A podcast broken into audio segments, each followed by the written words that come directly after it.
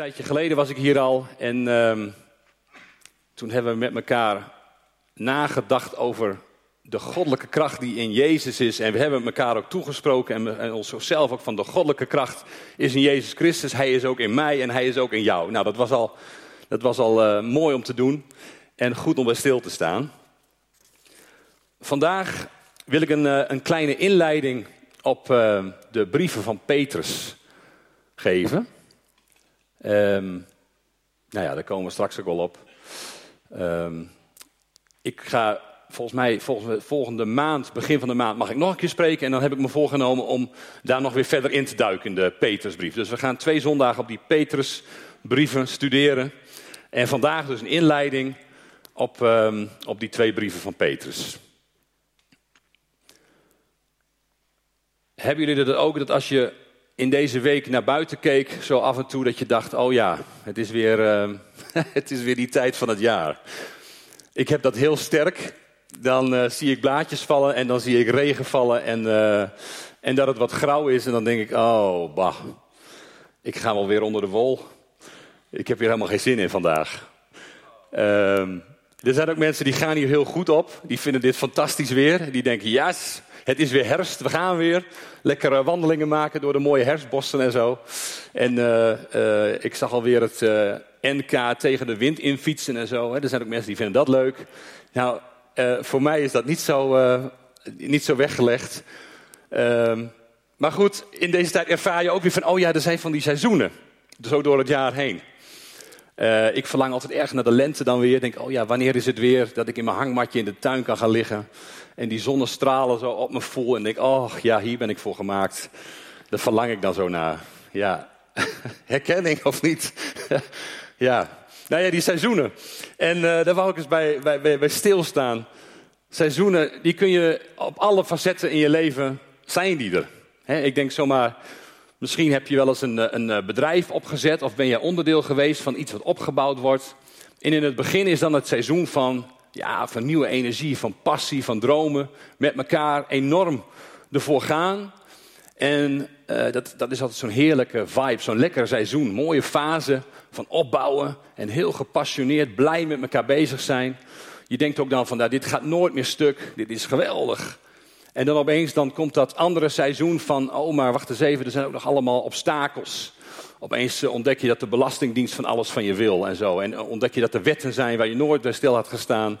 Nou ja, en dan ploeter je zo door zo'n seizoen heen. En dan kan het ook zo nog maar eens zijn dat, dat, dat er een seizoen komt van verval. Dat het, dat, dat eerst die mooie dromen, dat die allemaal zo mooi leken, maar allemaal helemaal niet uit gaan komen. En dat je denkt, oh, maar dat bedrijf van mij, dat, eh, dat zakt in elkaar. En, en eh, de klanten komen maar niet. Het wordt al minder. Je kan je personeel niet meer betalen. Nou ja, zo noem maar op. Het kan alle kanten op. En als het dan nog heel erg slecht gaat, dan komt er ook nog echt zo'n winter. Dat je denkt van nou, ik hou er maar mee op. Ik, eh, ik geloof er eigenlijk helemaal niet meer in. van die seizoenen. Nou ja, dat kan dus in je werk zijn, in het opbouwen van een bedrijf. Maar dat kan op allerlei facetten. dat kan in hoe je gezin functioneert, hoe je huwelijk functioneert, uh, hoe je in je vriendschappen zit. Het kan ook voor een gemeente gelden, die gaat ook door seizoenen. Um, en ook je persoonlijk geestelijk leven, daar wil ik natuurlijk naartoe. Je persoonlijk geestelijk leven, die gaat ook door seizoenen. Ik weet niet hoe dat bij jullie is, maar dat fluctueert bij mij.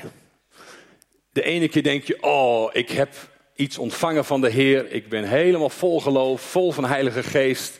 En ik getuig en overal waar ik ga, daar wil ik zegenen. En daar gebeuren de dingen zoals ik denk dat God het wil. En je functioneert, nou ja, voor je gevoel op het top van je geestelijk kunnen. Maar er zijn ook tijden dat je denkt van oeh, ik, ik heb het er wat zwaar mee. Het gaat allemaal niet zoals ik het zo graag zou willen. En er komt een gevoel van tegenslag, tegenspoed. Um, je concentratie verlies je misschien wat. Um, je hebt eigenlijk helemaal geen zin meer misschien om naar een gemeente te gaan. Je hebt ook geen zin meer om de Bijbel te openen of te gaan bidden. Dat is een lastige tijd. En het kan ook nog zomaar zijn dat je op een gegeven moment gaat twijfelen. Die tijd is er ook een seizoen van twijfel. En dat je denkt, joh, wat doe ik hier nog? Wat doe ik hier nog mee? Zo door al die seizoenen die zijn er in het geestelijk leven. Tenminste bij mij. Ehm, je zou willen dat het altijd zo op een bepaald niveau is. Van nou, lekker gaan in de kracht van de Heilige Geest. Maar de realiteit is in mijn leven, en ik hoop dat je het herkent, want anders wil ik heel graag met je praten. Hoe doe je dat dan? Maar dat dat zo op en neer gaat. Dat het fluctueert.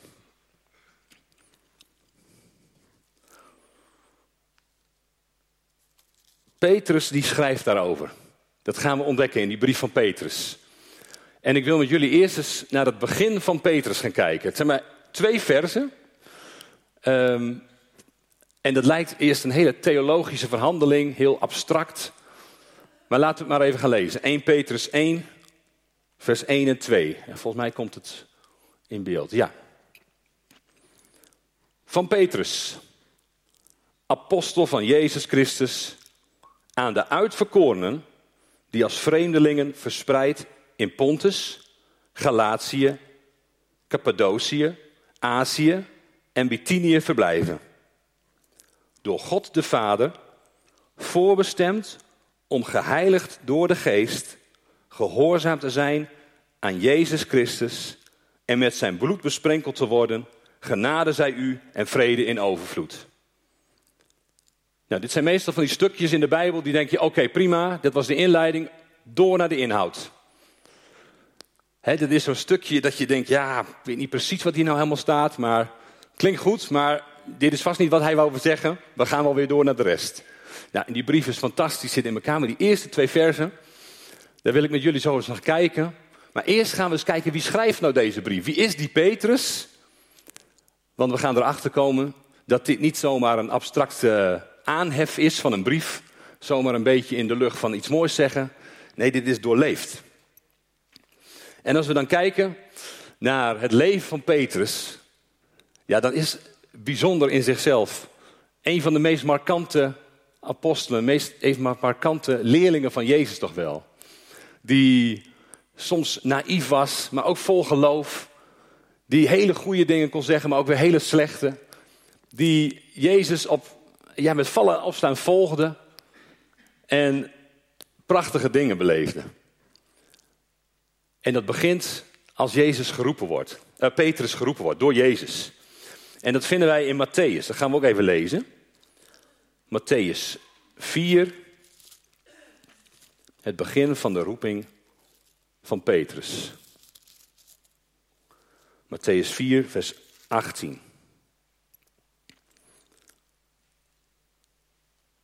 Heb een heel klein lettertje meegenomen. Even kijken, ja. Tijd voor een leesbril. Toen hij langs het meer liep, zag hij twee broers. En hij is hier Jezus. Toen hij langs het meer liep, zag hij twee broers. Simon, die Petrus genoemd wordt, en zijn broer Andreas. En ze wierpen hun net uit in het meer, het waren vissers. Hij zei tegen hem, kom, volg mij, ik zal van jullie vissers van mensen maken. Petrus in zijn gewone natuurlijke habitat, zou je kunnen zeggen, op het strand met zijn broer, samen aan het vissen, gewoon hun werk doen, gewoon hun dagelijkse bezigheid. En dan die ontmoeting met Jezus en die zegt, kom, volg mij. En Petrus doet het. Het lijkt hier in dit verhaal alsof Petrus voor de eerste keer Jezus ziet en dan direct alles laat vallen en hem volgt. Maar we weten van de andere evangelisten, nou, dat ging nog wel aan vooraf. Er waren natuurlijk wonderen al in de omgeving. Jezus was geen onbekende voor Petrus. Maar hij kende hem denk ik niet direct. En is het toch bijzonder dat als Jezus hem dan roept en hij zegt: Kom, volg mij, dat Petrus hem gaat volgen. Want hij heeft daar kennelijk geloof in. Hij denkt: Oh, als ik deze rabbi ga volgen, nou dan gaat er wat gebeuren. En hij laat alles achter zich en hij gaat volgen. Bijzondere daad van Petrus. Mooi hoe Jezus hem uitnodigt. Gewoon in zijn natuurlijke habitat, in een doodnormale dag. En Jezus nodigt hem uit. Volg mij. En hij gaat het doen. En dan volgt er in de evangeliën lange verhalen over hoe Petrus dat doet. Wat Petrus dan meemaakt. En hij gaat van hoogtepunt naar dieptepunt. Het ene moment zegt hij: Jezus, u bent de Messias. En dan zegt Jezus tegen hem, ja, dat klopt. En ik ga op jouw geloof ga ik mijn kerk bouwen. Nou, grote woorden. En een ander moment zegt hij, Jezus, u mag niet sterven. En dan zegt Jezus tegen hem, ga weg achter mij, Satan. Zo'n enorm verschil. Het ene moment zegt hij hele wijze dingen, dan snapt hij het. En het andere moment snapt hij er weer helemaal niks van. En het ene moment, dan pakt hij het zwaard als Jezus gevangen genomen is. En dan zwaait hij er een oor af bij iemand. En terwijl Jezus dat helemaal niet wil. En Jezus die naait dan die man weer een oor aan. Maar Petrus die, die vliegt van het een naar het ander. Tot er een dieptepunt is in het leven van Petrus. Als zijn Heer gevangen genomen is. En dan vragen ze hem, oh, hoor jij ook niet bij hem? En dan laat hij hem in de steek. Petrus laat op dat moment Jezus in de steek. Waar Jezus hem misschien wel het meest nodig had. Zegt Petrus, nee, ik ken hem niet. Dat zegt hij een paar keer, nee, ik ken hem niet. Nee, joh, daar hoor ik niet bij. En dan wordt Jezus in de dagen daarna gekruisigd. En dan moet je eens voorstellen hoe Petrus zich gevoeld moet hebben. Die een paar jaar met Jezus opgetrokken de mooiste dingen heeft meegemaakt. Ook heeft gezegd, ja, hij is het. Dit is de Messias, hem moet je volgen. Oh, hem wil ik volgen, ik snap het. En dan op het moment suprem zegt Petrus, nee, ik ken hem niet. En dat is het laatste wat hij met Petrus dan zo'n beetje meemaakt. Met Jezus meemaakt. Zijn Heer sterft aan het kruis. En moet je je voorstellen hoe dat voelt. Maar dan staat Jezus weer op. Uit de dood. Zijn vrienden vertellen hem, ja, hij is opgestaan uit de dood. Wat zou dat met Petrus gedaan hebben? Hoe zou je je dan voelen? Oh, hij is niet gestorven. Nou ja, daar kun je nog schuld, maar dan misschien ga ik hem wel weer zien. Misschien is dat nog wel veel enger. Wat gaat Jezus tegen mij zeggen als hij me weer tegenkomt? Heb ik het misschien verbruikt? Hoor ik nog bij Jezus? Wil hij nog met mij optrekken? De evangelist Johannes die schrijft wat er dan gebeurt. En dat lezen we in Johannes 21. Gaan we ook even naartoe. Johannes 21. Jezus is dus weer opgestaan uit de dood. Hij is gekruisigd, gestorven, begraven en weer opgestaan. En in Petrus 21 er zijn de discipelen weer aan het strand. 21 vers 15. Ze zijn weer wezen vissen. En er wordt een vuurtje gemaakt op het strand en ze gaan eten. En daar staat er, toen ze gegeten hadden, sprak Jezus Simon Petrus aan. Simon, zoon van Johannes, heb je mij lief? Meer dan de anderen hier? En Petrus antwoordde, ja heer, u weet dat ik van u houd. En hij zei, wijd mij lammeren. En nog eens vroeg hij, Simon, zoon van Johannes, heb je me lief? En hij antwoordde, ja heer, u weet dat ik van u houd. En Jezus zei, hoed mijn schapen. En voor de derde maal vroeg hij hem, Simon, zoon van Johannes, hou je van me? En Petrus werd verdrietig, omdat hij voor de derde keer vroeg of hij van hem hield. En hij zei, Heer, u weet alles. U weet toch dat ik van u houd? En Jezus zei, wijd mijn schapen. Waarachtig, ik verzeker je, toen je jong was, deed je zelf je gordel om en ging je waarheen je wilde. Maar wanneer je oud wordt, zal een ander je handen grijpen, je je gordel omdoen en je brengen waar je niet naartoe wil. En met deze woorden duidde hij aan hoe Petrus zou sterven, tot eer van God. En daarna zei hij, volg mij. En dat volg mij, dat raakt mij enorm hier. Dat jaren daarvoor aan het strand, Jezus heeft gezegd, volg mij. En Petrus is gaan wandelen. En er is van alles gebeurd en er is een dieptepunt geweest waar Petrus zijn Heer heeft verlogend. Waar hij hem in de steek liet. En hij misschien wel met schuldgevoel en schaamte rondloopt en denkt, nou, nou is het voorbij, nou hoor ik er niet meer bij. En dan hier aan het strand, op, misschien wel op hetzelfde strand, weet jij veel, denk het niet. Maar even dat beeld van dat strand. Weer in die natuurlijke habitat van Petrus. Bij een vuurtje. En dan weer, volg mij. We gaan weer verder, Petrus. Kom maar. Wat moet dat gedaan hebben met Petrus? Enorm. En dan, wat daarna komt, in handelingen lezen we dat, handelingen 2.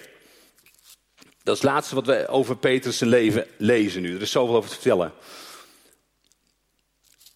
Petrus, na de uitstorting van de Heilige Geest, houdt een preek van zijn leven. Kun je lezen in Handelingen 2. Fantastische preek.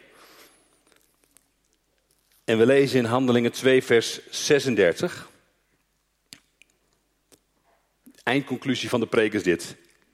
Laat het hele volk van Israël er daarom zeker van zijn dat Jezus, die u gekruisigd hebt, door God tot Heer en Messias is aangesteld.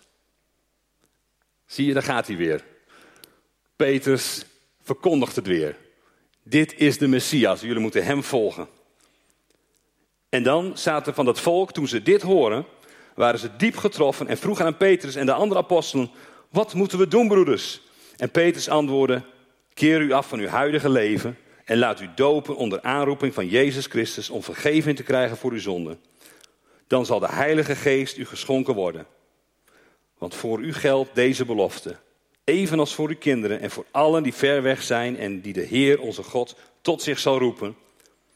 Ook op nog andere wijze legde hij getuigenis af, waarbij hij een dringend beroep op zijn toehoorders deed met de woorden: Laat u redden uit dit verdorven mensengeslacht. En degenen die zijn woorden aanvaden, lieten zich dopen. En op die dag breidde het aantal leerlingen zich uit met ongeveer 3000. En ze bleven trouw aan het onderricht van de apostelen, vormden met elkaar een gemeenschap, braken het brood en wijden zich aan het gebed. Petrus wordt machtig gebruikt om 3000 mensen tot geloof te brengen. Geweldig. Wat een zegen en wat een vrucht van de Heer. Maar daar is wel een heel pad aan vooraf gegaan. Er zijn seizoenen geweest in het leven van Petrus. Waar hij eerst gewoon op een strand aan het werk was. Jezus hem ontmoette en hem uitnodigde hem te volgen. En dan een heel leven met Jezus samen. Het waren maar een paar jaar, maar het lijkt zoveel. Zoveel gebeurt tot dat dieptepunt. En dan wordt hij weer in genade aangenomen. Nadat Jezus uit de dood is opgestaan en zegt opnieuw, volg mij. En, Je en Petrus doet dat. En Jezus zegent het met kracht van de Heilige Geest enorm. Deze Petrus, die dit heeft meegemaakt, en ik hoop dat je een beetje kunt inleven in ja, hoe hij in elkaar zit, wat hij heeft meegemaakt met Jezus. En die schrijft die brief. Dat is de schrijver van deze brief. En laten we dan nog een keertje naar dat stukje wat we net gelezen hebben. Met dit in ons achterhoofd van oké, een mens van vlees en bloed, net als ik, schrijft deze woorden. En dan nog een keer. Van Petrus, apostel van Jezus Christus. Apostel van Jezus Christus. Gezonden door Jezus Christus. Petrus wist dat. Aan de uitverkoren die als vreemdelingen verspreid in Pontus, Galatië, Cappadocië, Azië en Bithynië verblijven. Door God de Vader voorbestemd om geheiligd door de geest, gehoorzaam te zijn aan Jezus Christus en met zijn bloed besprenkeld te worden. Genade zij u en vrede in overvloed. Dus de apostel gezonden door Jezus, dat wist hij. Hij schrijft aan een groot gebied wat nu Turkije is. Er zijn gemeentes en hij noemt ze vreemdelingen. Die uitgekozen zijn. Nou, prachtig. En dan staan er drie dingen en die wil ik eens met jullie naar kijken. Drie dingen. Door God de Vader voorbestemd. Dat is één. Door God de Vader voorbestemd. Om geheiligd door de Heilige Geest gehoorzaam te zijn aan Jezus. En met zijn bloed besprenkeld te worden. En we gaan zien, dit zijn doorleefde termen van Petrus. En eerst dat u bent voorbestemd. Voorbestemd, door God uitgekozen. Jullie zijn gezien. Jullie zijn bedacht door God en ergens voor bestemd. Nou, mooi hoe Petrus dat zegt tegen deze mensen. En dan komt daar gelijk de vraag misschien wel: oké, maar als er mensen uitgekozen zijn, zijn er dan ook mensen niet uitgekozen? En hoe zit dat dan? En voor mensen die een beetje in de kerkelijke traditie zijn opgegroeid, die kennen misschien nog wel uitverkiezing en verwerping. Zo'n leer. Uh, waar ik vroeger op de jongensvereniging, want ik kom ook uit de vrijgemaakte kerk, uh, waar we eindeloos over konden filosoferen met elkaar. Daar konden we hele avonden over doorpraten. Hoe zit dat met Gods uitverkiezing? En hoe, wanneer hoor je er wel bij en wanneer niet? Oh, en wat hebben we erover gestoeid? En wat konden we erover wakker liggen? En we kwamen er eigenlijk nooit uit. En het was altijd maar een beetje de vraag van, ja, hoe zit dat nou precies? Geen idee. Nou, Petrus en Paulus, die hebben daar een hele mooie kijk op eigenlijk. Als je de brieven leest van Petrus en zo, Paulus, dan zeggen ze eigenlijk altijd, ja, de uitverkiezing, je bent uitgekozen, voorbestemd in Jezus Christus, voordat de schepping begon. Nou, en dat vind ik een heel geruststellende gedachte. God had al lang bedacht, voordat de wereld zou gaan beginnen, voordat de schepping maar zijn gang ging, in Christus ga ik deze wereld redden. En in Christus doe ik een handreiking naar de mensen die gered moeten worden. In Christus ben je uitgekozen. In Christus ben je voorbestemd. In Christus ben je gezien. En voorbestemd om voor Hem te leven. En dat hielp mij om te begrijpen: oh hé, hey, er is niet een soort willekeur of een soort selectie of zo. Nee, er is maar één geselecteerd en dat is Christus. En daar draait het allemaal om. Christus en in Christus doet God een handreiking naar jou en mij. En zegt hij, volg mij. En Petrus die weet dit. Want hij is zelf voorbestemd in Christus. En Christus heeft hem een handreiking gedaan, volg mij. En hij heeft gereageerd en hij heeft het gedaan. En ik geloof dat er voor iedereen van ons die handreiking is. Van God de Vader zelf, die zich in Christus laat zien. En zegt, ik heb in Christus jou voorbestemd. Ik heb in Christus jou gezien. Ik heb jou in Christus bestemd om voor mij te leven. En in Christus is die vraag er ook aan jou. Wil jij hem volgen? Wil jij die relatie met mij aangaan? De vraag van God. En Petrus die heeft dat doorleefd, die voelt dat. En ik vind het ook altijd mooi om te vertellen hoe ik dat zelf beleefd heb. Het is super subjectief, dus hang er niks aan op. Maar ik vind het altijd wel mooi. Ik was een gewone kerkjongen. En uh, ik ging uh, wekelijks trouw naar de kerk. Maar ik geloofde ook dat de God waarover verteld was, dat die mij niet moest hebben. Dat ik te zondig was om daarmee op te trekken. Dus ik zocht een beetje van, nou ja, hoe werkt dat dan en hoe kan ik dan misschien toch in een goed blaadje komen? Dus aan de ene kant probeerde ik goede dingen te doen, maar aan de andere kant ging, ging, ging dat weer falikant mis. Totdat ik een jaar of twintig was en mijn broertje mij het evangelie uitlegde. Hij was tot geloof gekomen door een evangelist, bijzonder verhaal. Hij was altijd een vreselijke brombeer, maar opeens begon hij te stralen en begon hij lief te worden. En ik dacht, ja, joh, die gast is helemaal doorgedraaid. Uh, laat maar eens even kijken hoe dit afloopt. Maar hij bleef in diezelfde houding. En hij bleef maar vertellen over Jezus. Dat hij die ontmoet had en dat daar wat gebeurd was. Dus ik werd toch wel nieuwsgierig. En ik ging met hem in gesprek. En op een gegeven moment werd mijn hart toch wat weker. Waren mijn argumenten tegen hem op. En zei hij, zullen we samen gaan wandelen? En ik woonde in Vinkhuizen in Groningen. Misschien ken je het wel in die hoge flats, zo aan de zijkant. En we gingen wandelen op wat toen was een oude vuilnisbelt. En we wandelden samen over de vuilnisbelt. Op een gegeven moment zei hij, Tjerk, mag ik voor jou bidden? Mijn broertje. En hij zei, Jezus is ook voor jou aan het kruis gegaan. En hij begon te bidden. En ik weet niet wat er gebeurde, maar ik begon te huilen. En het was of de Heilige Geest mijn hart zo aanraakte. En ik ervoer zo Gods liefde op dat moment. En toen wist ik, oh, dit is andere koek dan wat ik altijd gehoord en gezien heb. Wat ik gesnapt heb. Opeens begreep ik, die Jezus die heeft ook zijn best gedaan voor mij aan dat kruis. Die genade is ook voor mij. En ik ervoer de uitgestoken hand van Jezus. Volg mij. Wil je mij volgen? En ik werd de volgende dag wakker. En ik deed mijn Bijbel open. Ik begreep er eigenlijk nooit wat van. Maar die ochtend was het alsof het een liefdesbrief was van God zelf. En het sprak zo tot me. En elk woord dat dronk ik in. Ik dacht, oh, hoe kan ik dit altijd gemist hebben? Die Jezus, die God die van mij houdt. Niet omdat ik gepresteerd heb, maar gewoon omdat ik in Christus uitgekozen ben. En God heeft zich aan mij geopenbaard. Ik denk dat als je hier een rondje doet en vraagt naar de verhalen van hoe jij Jezus ontmoet hebt, dan zul je soortgelijke verhalen horen. Dat is altijd zo bijzonder. Hoe Jezus zich openbaart, hoe Jezus zich laat zien. En niet iedereen heeft het zo spectaculaire ervaring. Mijn vrouw bijvoorbeeld, die heeft nooit zoiets gevoeld, maar die heeft op een dag gezegd: Hé, hey, maar die Jezus, die geloof ik en daar ga ik in stappen. Die ga ik gewoon volgen.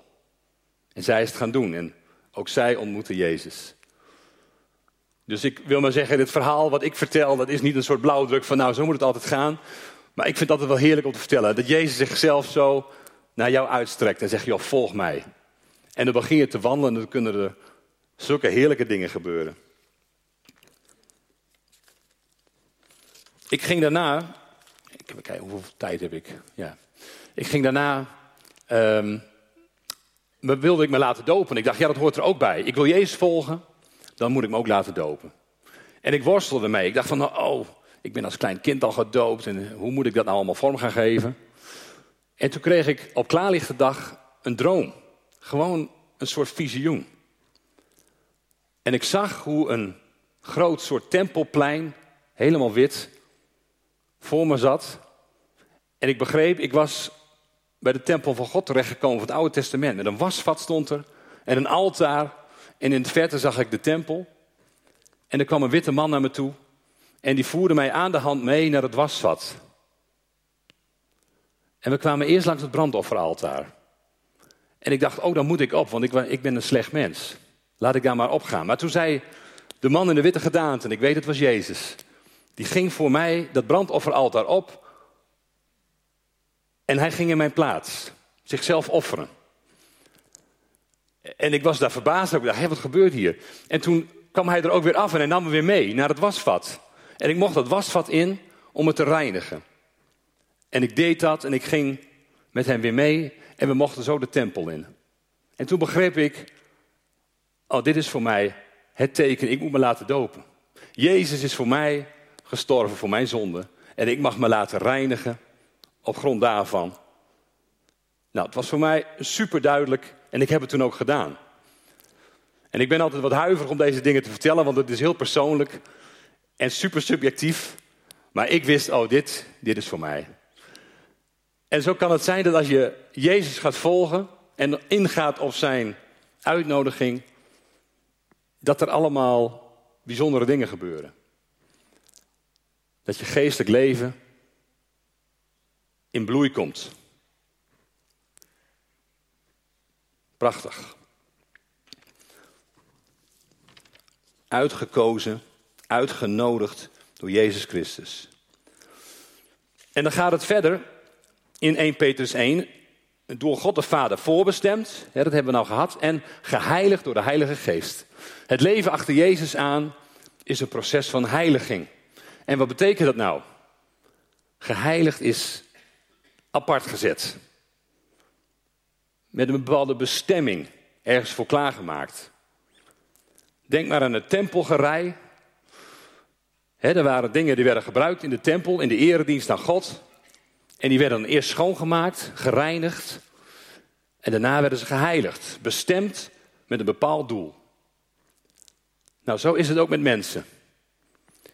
Bij God worden we eerst gereinigd en ook geheiligd, voorbestemd om in zijn dienst te zijn aan Hem, zodat we mee kunnen draaien in zijn plan, in zijn missie. Geheiligd door de Heilige Geest. En we zien dat in het leven van Petrus, dat hij geheiligd wordt om gehoorzaam te worden aan Jezus. En we zien dat door dat hele verhaal heen, dat elke keer leert hij weer dingen. Hij gaat ook op zijn bek. Hij gaat ook verkeerd, maar hij leert constant om Jezus te begrijpen. Wat moet ik nou doen? Hoe zit het nou met Jezus, met zijn missie? Wat wil hij nou? Wat is hij nou van plan? En wij, ook als volgelingen van Jezus, die ingegaan zijn op die uitnodiging, worden geheiligd in onze dagelijks leven. Dat we steeds meer gaan begrijpen de stem van de Heilige Geest om Jezus te gehoorzamen. En ik had het laatst met iemand over die zei: Ja, ken je wel van die influisteringen? Dat je denkt: Oh, ik moet even iets zeggen tegen iemand. Ik moet even iets doen. Dat je denkt: Hé, hey, de Heilige Geest spreekt tegen mij. Maar in het begin ontweet je dat nog niet zo goed. Dan denk je: Hé, hey, is dat nou, ben ik dat nou zelf? Hoe, uh, hoe moet ik dit interpreteren? Ik heb wel eens gedacht dat de Heilige Geest zei: Ga maar over water lopen. En ik begon dat te doen, nou, ik zakte de keien doorheen. Dus toen leerde ik, oké, dat was niet de Heilige Geest. Dat was misschien eh, mijn eigen wens of zo. Maar later zei de Heilige Geest tegen me, zeg maar even tegen die en bemoedigen met deze woorden. En ik ging dat doen en het raakte enorm. Toen dacht ik, oké, dat was wel de Heilige Geest. Nou, zo mag je leren, achter Jezus aan. Geheiligd door de Heilige Geest om gehoorzaam te worden aan Jezus. En we zien dat in het leven van Petrus prachtig hoe dat gaat. Hè? Hij op en neer en de ene keer doet hij het goed en de andere keer slecht. Maar Jezus elke keer nodigt hij hem uit. Kom maar, ga maar met me mee. We gaan weer verder. Kom op. En zelfs als hij in het dieptepunt van zijn leven is geland. Hij daarna zegt nog Jezus, joh, kom op, we gaan weer verder. Geheiligd door de Heilige Geest om Jezus gehoorzaam te zijn. In dat verhaal bij het meer waar Petrus en Jezus elkaar weer ontmoeten bij dat kampvuurtje waar ze gegeten hebben, daar gebeurt iets prachtigs. Jezus die vraagt aan Petrus, heb je mij lief? Na alles wat er gebeurd is, heb je mij lief? En dan staat er, heb je mij agape? Heb je mij lief met hemelse liefde? Met heel je hebben en houden zou je kunnen zeggen. Heb je alles voor mij over? En dan antwoordt Petrus, ja Heer, u weet dat ik u wel mag. Zo staat het een beetje in de grondtekst. U weet dat ik u, ja, dat ik u wel aardig vind. En dan zegt Jezus het weer, heb je mij lief? Dan gebruikt hij weer het woordje, agape. Heb je mij lief met hemelse liefde? En weer zegt Petrus, nee, ja Heer, u weet toch dat ik u wel mag. Petrus wordt echt heel eerlijk. Na alles wat er gebeurd is, weten, ja, ik hoef mij niet meer te verschuilen achter mijn grote bek, achter mijn grote praatjes. Jezus weet alles van mij. Heer, u weet dat ik u wel mag. En dan de derde keer, dan zegt Jezus niet, heb je mij agape, hou je van mij met hemelse liefde, maar dan daalt hij af naar de liefde van Petrus. Dan zegt hij, Petrus, mag jij mij wel? En dan zegt Petrus, ja, heer, maar u weet toch, u kent me toch. Ik mag u wel. En ik vind dat zo mooi wat Jezus daar doet. Als Petrus eerlijk is geworden over hoeveel hij van Jezus houdt. En dat is dus niet die AKP, die goddelijke liefde. Maar hij is heel eerlijk en zegt: Nee, maar ik heb niet meer dat. Ik heb wel dit. Ik mag u. Ik vind u aardig. En dan nodigt Jezus hem opnieuw uit om zijn schapen te weiden. En weer zegt hij dan: Volg mij. Kom, we gaan weer verder. In die beweging van heiliging komt Petrus dat tegen. En ik geloof dat is voor alle volgelingen van Jezus. Die seizoenen kun je ingaan. In elk van die seizoenen nodigt Jezus je uit om hem te gaan volgen. En dan eindigt Petrus die eerste aanhef van die brief nog maar. Hè, met die woorden besprenkeld met het bloed. Dus jullie zijn uitgekozen door de Vader, voorbestemd, geheiligd door de Heilige Geest om Jezus te gehoorzamen en besprenkeld met het bloed. Nou, dat klinkt wat luguber. Maar het slaat terug op het Oude Testament. Waar toen de verbondsluiting op de berg was met Mozes. Mozes met bloed gemengd met water, met een soort kwassen over het volk, mocht sprenkelen. En dat was het beeld van jullie horen bij dat verbond van God. God heeft een verbond gesloten. En daar slaat het op terug. Maar dat is niet meer het verbond van het Oude Testament, maar het is het verbond van het bloed van Jezus. Dat veel sterker is dan het oude verbond. En als het ware sprenkelt Petrus in gedachten dat bloed over die mensen waar hij aan schrijft. En in die mensen ook naar ons vandaag. Jullie zijn besprenkeld met het bloed van Christus. Jullie horen bij het verbond. Jullie horen bij Jezus, bij God de Vader. In dat hele proces van Jezus volgen, in alle seizoenen, mag je weten, ik ben besprenkeld met het bloed van Jezus Christus. Ik hoor bij Hem. En dat zijn de woorden van Jezus voor jou, voor mij, voor de gemeente, voor ieder die gelooft vandaag. Jij hoort bij mij. En waar jij ook zit in je geestelijke reis. Of je nou aan het begin zit. Hè, je bent nog lekker op je strand aan het wandelen. Je hebt misschien nog helemaal geen benul van Jezus. Het zou zomaar kunnen dat hij zometeen langskomt. Je wordt besprenkeld met het bloed van Jezus. Je mag erbij horen. En in het proces van heiliging, als je probeert te ontdekken van hoe zit het nou met Jezus? Hoe kan ik hem nou volgen? De struggles van het leven. Misschien wel struggles met zonde. Of met het verstaan van de stem van de Heer. Dan is daar die uitnodiging van Jezus. Kom op man, ik leid je er doorheen. Je bent besprenkeld met mijn bloed. Je hoort bij mij. Ik laat jou niet in de steek. Ook al laat je hem wel in de steek. Want dat zien we aan het eind van het leven van Petrus. Als hij dan Jezus in de steek heeft gelaten. Dan zegt Jezus, alsnog daarna, de opgestane Jezus zegt tegen hem. Ik laat jou niet in de steek, volg mij. Kom, we gaan weer verder. Er is voor jou nog veel meer. En ik geloof dat is ook voor ons als gemeente. In je persoonlijk leven. Het kan zo zijn dat je op een bepaald moment in je leven denkt van nou voor mij is het niet meer. Ik heb nou zo gefaald. Ik heb het zo verkloot. Maar Jezus steekt ook in dat seizoen zijn hand naar je uit en hij zegt: Je bent besprenkeld met mijn bloed. Kom op, man, volg mij. En het zou zo kunnen dat er dan nog een heel seizoen van vruchtdragen komt. Net als Petrus, die dan in handelingen nog prachtig zo'n preek houdt. Nou ja, lees handelingen maar verder. Ongelooflijk wat er dan nog gebeurt. Nou, ik geloof het is ook voor jou vandaag. En ik word daar heel erg bij bepaald, dus ik ga er nog even op door. Er zijn mensen vanmorgen die hier zitten en die zeggen: Ik heb het verbruikt bij Jezus. Jezus wil met mij niet meer verder. Ik ben nog een leuke bankzitter. Ik hou het nog wel even vol, maar ik geloof niet meer dat er voor mij nog wat is. En misschien is het voor mensen thuis. Maar op dat dieptepunt, op dat punt waar jij denkt: Ik ben niet meer bruikbaar voor Jezus, mag je eerlijk worden vanmorgen. En mag je gewoon zeggen hoe het zit.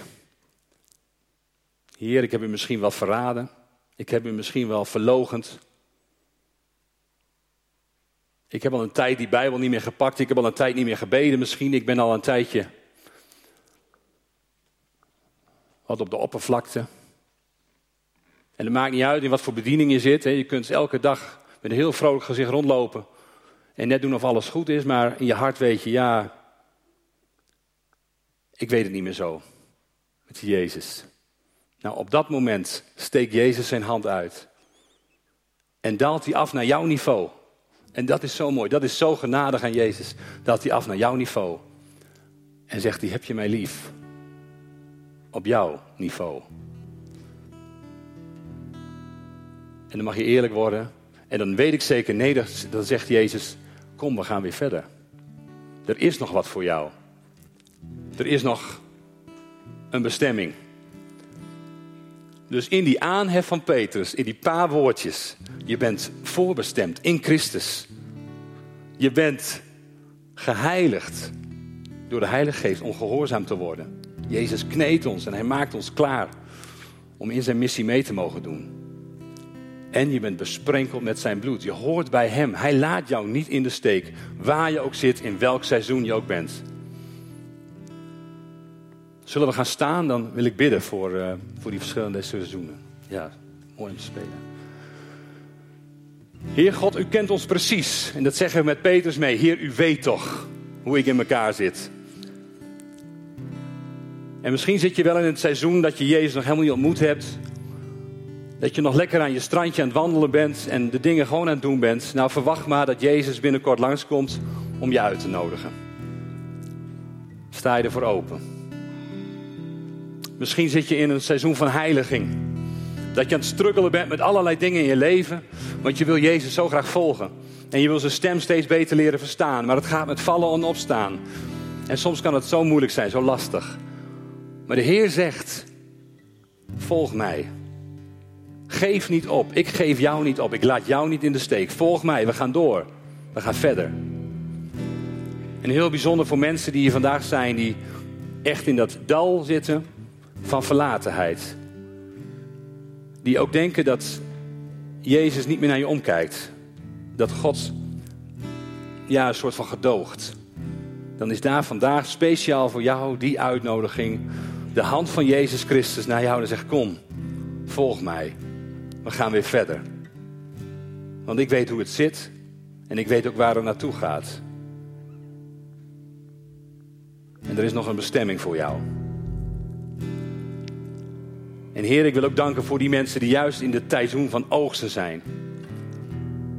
Er zijn ook mensen op dit moment in het seizoen van oogsten. Waar ze die dingen geleerd hebben, door de seizoenen zijn gegaan met u. En waar het oogsttijd is. En ik geloof dat de Heer dan ook zegt: hou je niet in. Geniet van dit seizoen, van deze tijd. Want ik geef je. Ik geef je nu de oogst. En haal hem binnen voor mijn koninkrijk. Heer, dank u wel dat u zo in al die seizoenen meegaat. En ik wil zo bidden, Heer, dat we daar aandacht hebben en ruimte voor elkaar om naar elkaars verhalen te luisteren. Om in die verbinding met elkaar ook te delen. Want het is niet altijd op de top van je kunnen, op de top van je geestelijk leven. Het is ook heel vaak ploeteren. In allerlei seizoenen waar je doorheen gaat als geloof achter Jezus aan. En deel het met elkaar en bemoedig elkaar daarin. Wees eerlijk.